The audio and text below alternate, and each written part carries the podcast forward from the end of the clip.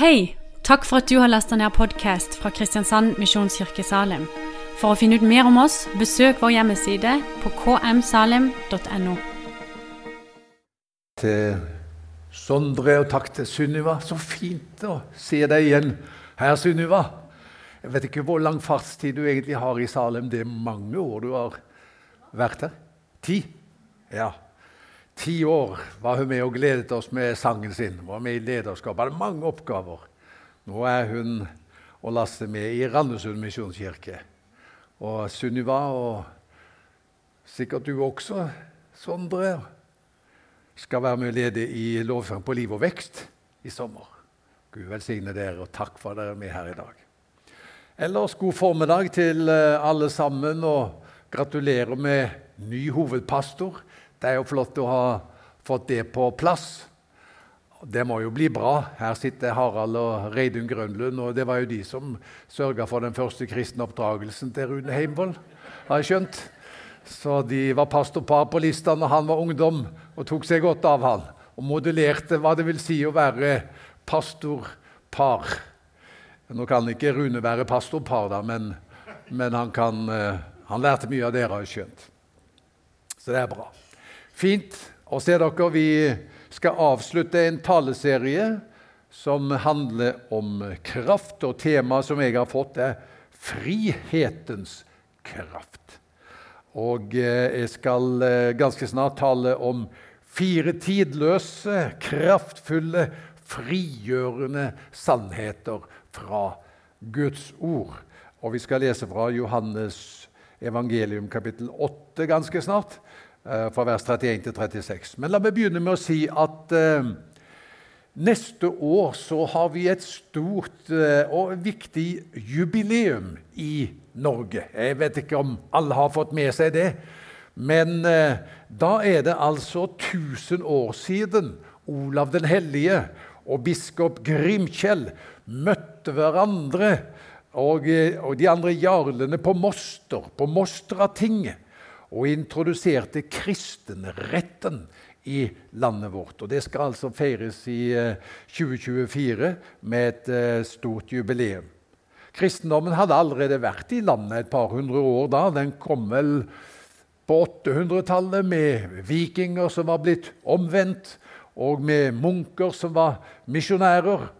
Men nå da kristenretten ble innført, så var det det offentlige rom som ble kristna, kan du si.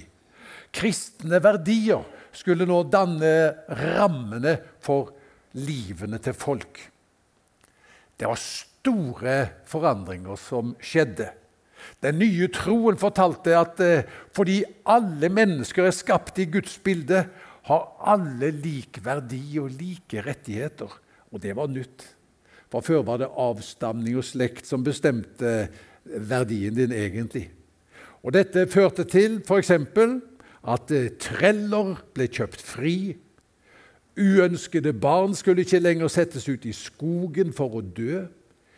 Flerkoneri ble avskaffet.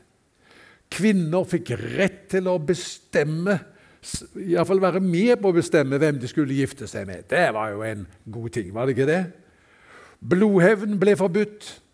Det ble innført straffefritak for mentalt syke drapsmenn. Folk fikk rett til å hvile på helligdager og høytider. Og eh, alle kunne nå gravlegges på samme kirkegård. Tenk på det. Og De som har studert dette, de sier at det går en linje fra kristenretten og Moster 1024 til våre dagers menneskerettigheter.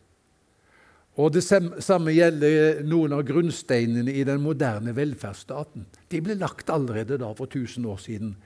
Rettsvern og omsorg for de svakeste i samfunnet.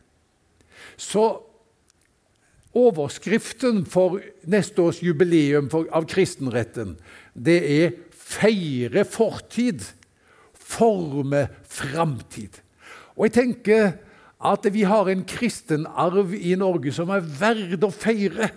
Så 2024, noter dere det. Og dere som planlegger møter i Salem i 2024, gi plass for dette. Vi skal feire 1000 år med kristendom i Norge.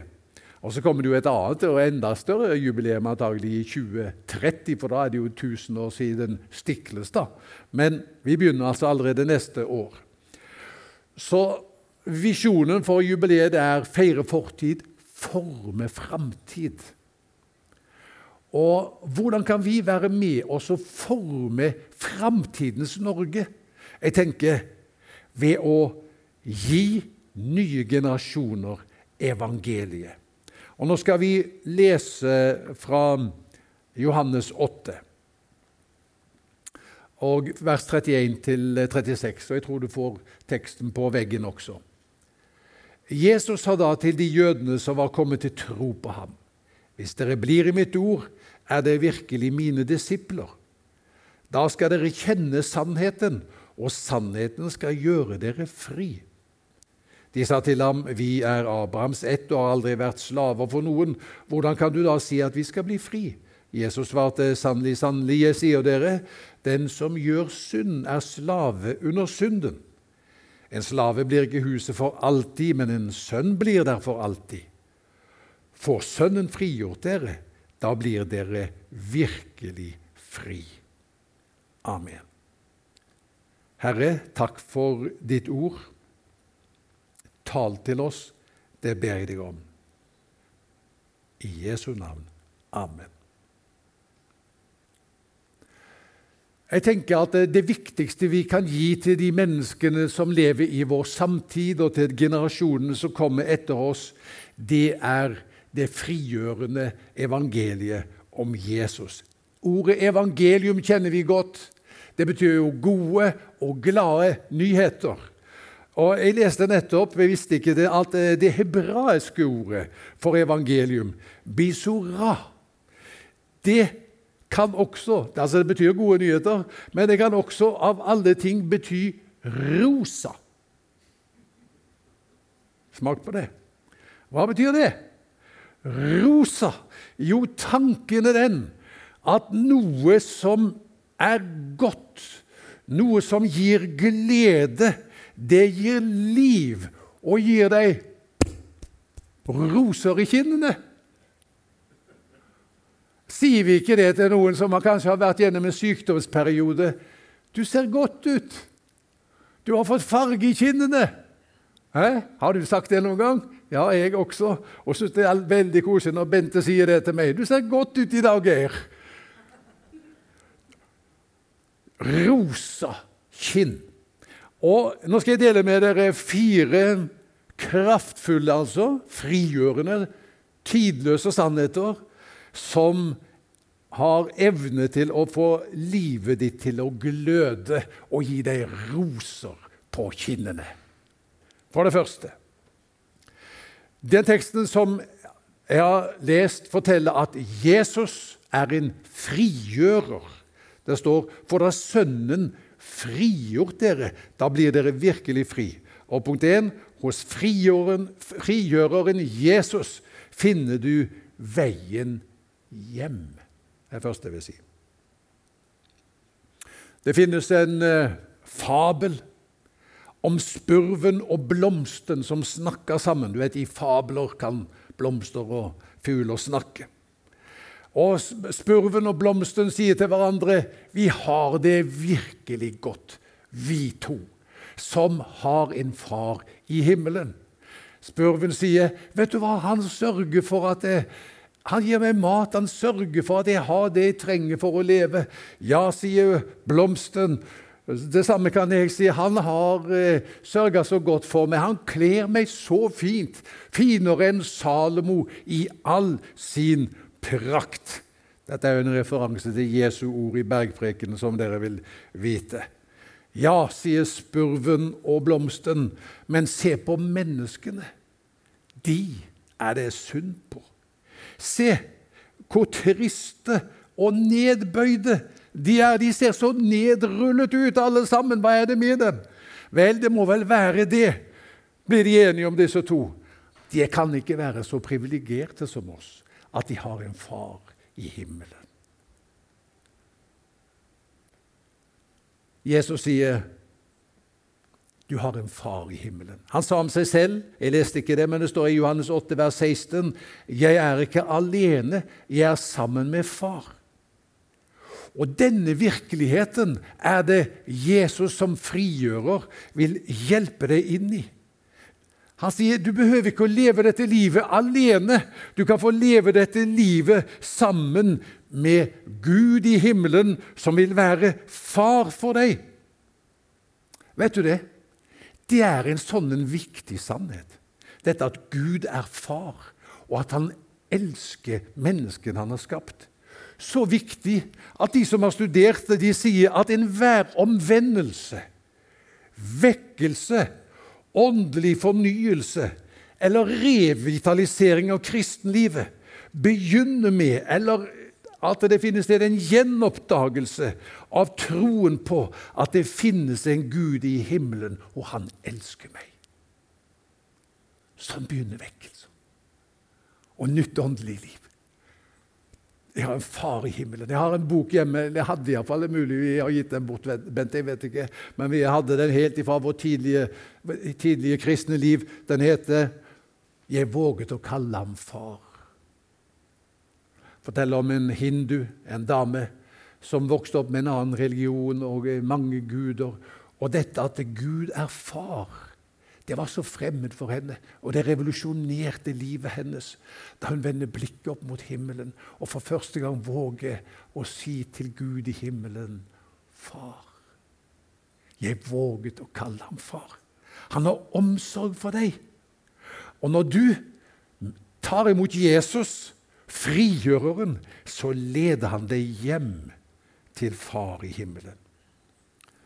De senere årene har jeg mange ganger fortalt om Jenny. og Kanskje har du hørt meg fortelle om Jenny før. Det skal ikke overraske meg, for du har hørt meg noen ganger.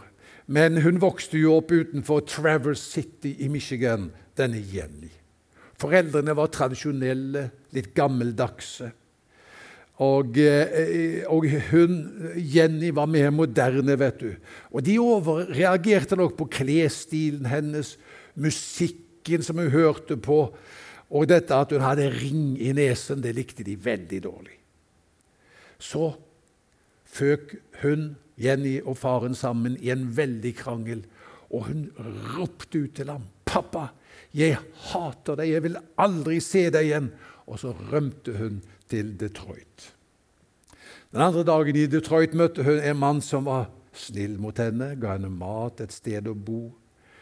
Hun fikk noen piller som gjorde at hun følte seg bedre, men det ble begynnelsen på et langt og vondt kapittel i fornedrelse i livet hennes. Hun ble syk, havna på gata. Hjemlengselen banka i brystet hennes, men hun hadde jo liksom lukka de dørene. Men i fortvilelse så ringer hun likevel hjem. Men hun møter bare telefonsvareren. Tre ganger så legger hun igjen en beskjed. 'Mamma, pappa, jeg kommer hjem med buss. Jeg er på stasjonen ved midnatt.' Og hvis dere ikke er der, så reiser jeg bare videre med samme bussen til Canada. Bussturen tok syv timer. Og Da hun nærmer seg hjembyen, Traverse City, så veller frykten opp igjen også. Hva skal jeg si til dem hvis de er der? Hva kommer de til å si? Vil det i det hele tatt være noen der? Da bussen ruller inn på stasjonen, sier sjåføren vi har et 15 minutter stopp, kun 15 minutter, så kjører vi videre. Og Jenny hun skjønner dette blir de 15 minutter de viktigste minuttene i livet mitt. Hun ser seg i speilet, ordner seg litt på håret, går inn i ventehallen. Det som møtte henne der, hadde hun ikke med noen måte kunne forberede seg på. For der klokka 24 på natten sto det 40 personer. Mor og far Søstre og brødre, bestemor og bestefar, onkler og tanter, nevøer og nieser. Alle var kledd i hatter og kostymer og viftet med vimpler og blåste i fløyte, og et stort banner var strekt ut over hele ventehallen. Velkommen hjem, Jenny. Og ut av mengden løper pappa mot henne og omfavner henne. Jeg er så lei meg, hikste hun fram, og pappa det samme. Men, sier han, nå skal vi ikke gråte. Hjemme har vi laget til fest. Nå skal vi feire at du er kommet hjem. Ja, denne historien har jeg fortalt mange ganger. kan du tro. Jeg blir like rørt hver gang. Så nå må jeg ha med glass vann.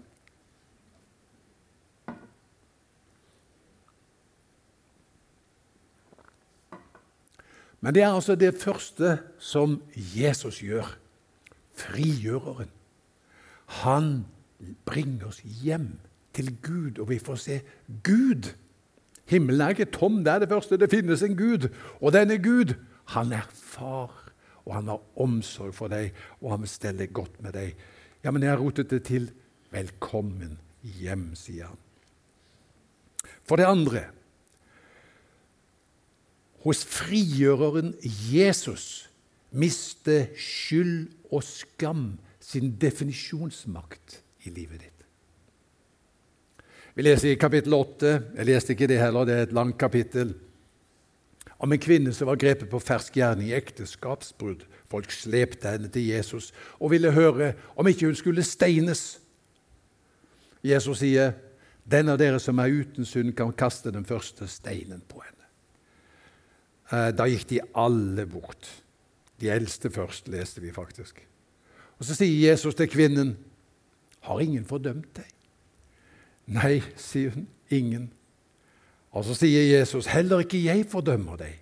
Gå bort og synd ikke mer. Og når denne kvinnen får høre heller ikke jeg fordømmer deg, da er det noe som mister definisjonsmakten i livet hennes. Og det er skylden og skammen. Det skal ikke lenger få definere hvem hun er, fordi Jesus hadde sagt til henne, 'Du er fri'. Du behøver ikke bære på skyld og skam og fordømmelse. Heller ikke jeg fordømmer deg. Du er frifunnet. Gå videre i livet, synd ikke mer. Et forbilde på det som Jesus gjorde for denne kvinnen, det finner vi i Det gamle testamentet på den store forsoningsdagen. Du vet, En gang i året så var det i gamle Israel forsoningsdagen. Og 3. Mosebok 16 der leser vi om syndebukken og hva øverstepresten Aron gjorde med den. Vi leser han skulle legge begge hendene på hodet til bukken og bekjenne over den hele israelittenes skyld alle lovbruddene og syndene deres. Eh, han skulle legge dem på hodet til bukken. Så skulle han la en mann stå ferdig og sende bukken ut i ørkenen. Bukken skal bære alle deres synder ut i villmarken. Bukken skal sendes ut i ørkenen. Vi har sikkert hørt uttrykket 'syndebukk'. ikke sant? Det er jo i dagligtale.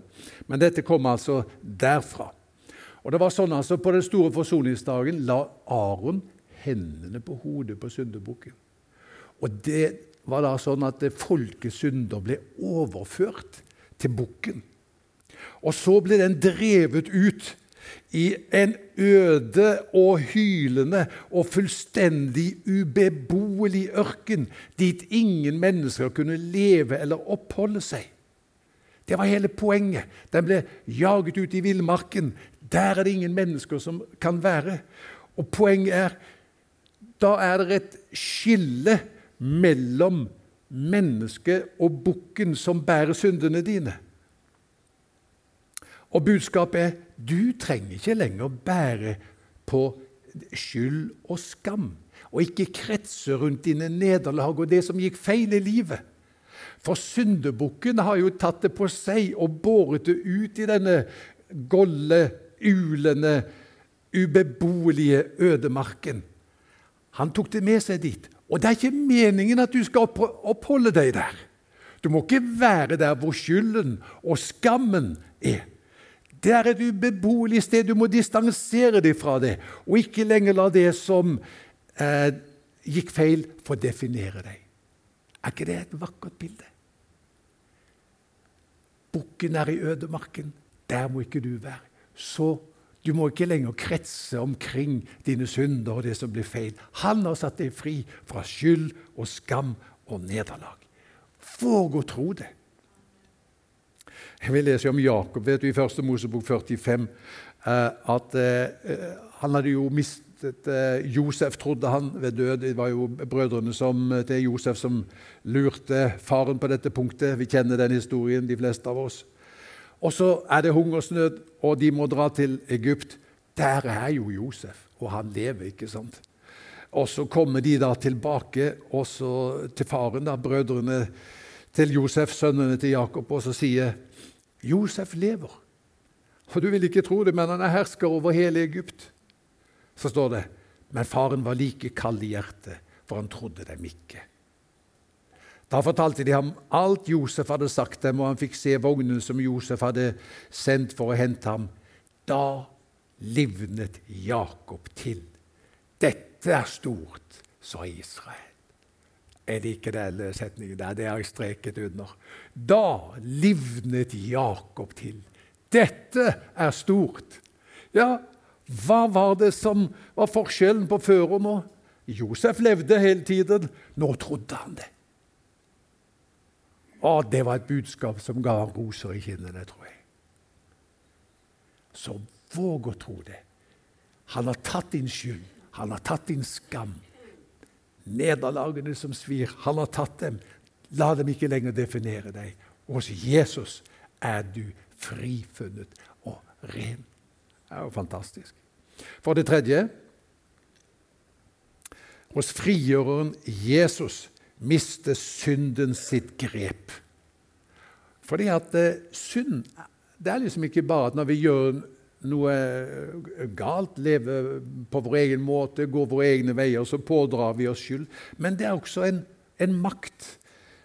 Og vi har vel opplevd alle sammen at det er vaner og reaksjonsmåter og levesett å, det kan være vanskelig å bryte med. Jesus sa i, i Johannes 8, 34, 'Den som gjør synd, er slave under synden'. Det er liksom noe som holder oss fanget. Men Jesus sa også, 'For Sønnen frigjort dere, da blir dere virkelig fri. Frigjøreren Jesus setter deg fri fra vaner og reaksjonsmåter du selv ikke kunne gjøre deg fri fra. Et godt eksempel på dette fra kirkehistorien har vi i eh, eh, livet til John Newton. Har dere hørt om John Newton? Noen nikker? Ja. John Newton han levde på 1700-tallet, det er jo lenge siden da. Men han har skrevet en sang som eh, Sunniva sikkert har sunget mange ganger, kanskje både på engelsk og norsk. 'Amazing Grace'. Amazing Grace. Og John Newton han eh, er et slående eksempel på den friheten og frigjøringen som Jesus bringer inn i et menneskeliv. Han ble beskrevet som en arrogant ateist, gudsbespotter og bølle en utagerende villstyring, John Newton. Som 18-åring i marinen brøt han reglementet og regler så gjennomført respektløst at han ble offentlig pisket som desertør. Han var fryktet og hatet av mannskapet. Ferdig i marinen ble han slavehandler og levde et lastefullt liv, uten at vi behøver å brodere det ut. Men 23 år gammel så møtte skipet han var om bord i, en kraftig storm utenfor Afrika. Skipet tok en vann, holdt på å synke. Da roper den unge John Newton på Gud. Frels meg! Tilgi meg min synd! Gjør meg til ditt barn! Og han fikk et nytt liv. Han begynte å be, lese i Bibelen, ble en disippel av Jesus og slo seg sammen med William Wilberforce, som kanskje noen av dere har hørt om. Eh, og de to ble forgrunnsfigurer i kampen nettopp mot slavehandel. John Newton sier jeg var en villmann som herjet langs Afrikas kyst. Men Jesus fanget meg og temmet meg. Og nå kommer folk og ser på meg som de ser på dyr i en zoologisk hage. Jeg vet ikke om han likte det så godt, men i alle fall, han, han hadde fått et nytt liv, var blitt fri. Og da var han fri til å leve livet på en ny måte også. Og det som før han var en slave under, ikke sant? Og, og, og dette at han var en slavehandler nå, nå arbeidet han for å avskaffe det samme. Det siste som jeg vil si, det er at hos frigjøreren Jesus det er punkt fire trenger du ikke frykte mer. Det står i vers 51 at Jesus sier, 'Den som holder fast på mitt ord, skal aldri i evighet se døden'. Vet du det? Menigheten, Vi er jo en del av Guds menighet. Menigheten er den største organisasjon som noen gang har eksistert på jorden. Er du klar over det? Det har aldri eksistert en organisasjon større enn menigheten. Vet du hvorfor? Menigheten mister ingen medlemmer ved død. Er det riktig? Ja, det er riktig. Hva er det som skjer når eh, et medlem i menigheten dør, da? Gå til himmelen. Derfor snakker man at menigheten har to avdelinger. Det er avdelingen på jorden, og så er det avdelingen i himmelen. Og Jeg husker jeg snakka med min bestemor Lava da hun var gammel. Eh, at eh, Ser du dødsannonsen min i avisa, så må du for all del ikke tro på det. Da er jeg mer levende enn noensinne. Ikke sant? Så medlemmer som dør, de er med i menigheten fortsatt. Det er bare det de er med i menigheten i himmelen. Det er den største organisasjonen som noen gang har eksistert. Og det betyr, dere, at døden har mistet sin makt. Og Jesus frigjør fra frykt fra døden, for døden. Døden, hva er det? Ja, det er jo Jeg har samfunn med Jesus her og nå. Og når jeg dør, hva skjer da? Ja, da har jeg jo bare et enda rikere samfunn med ham. Nå er Jesus hos meg.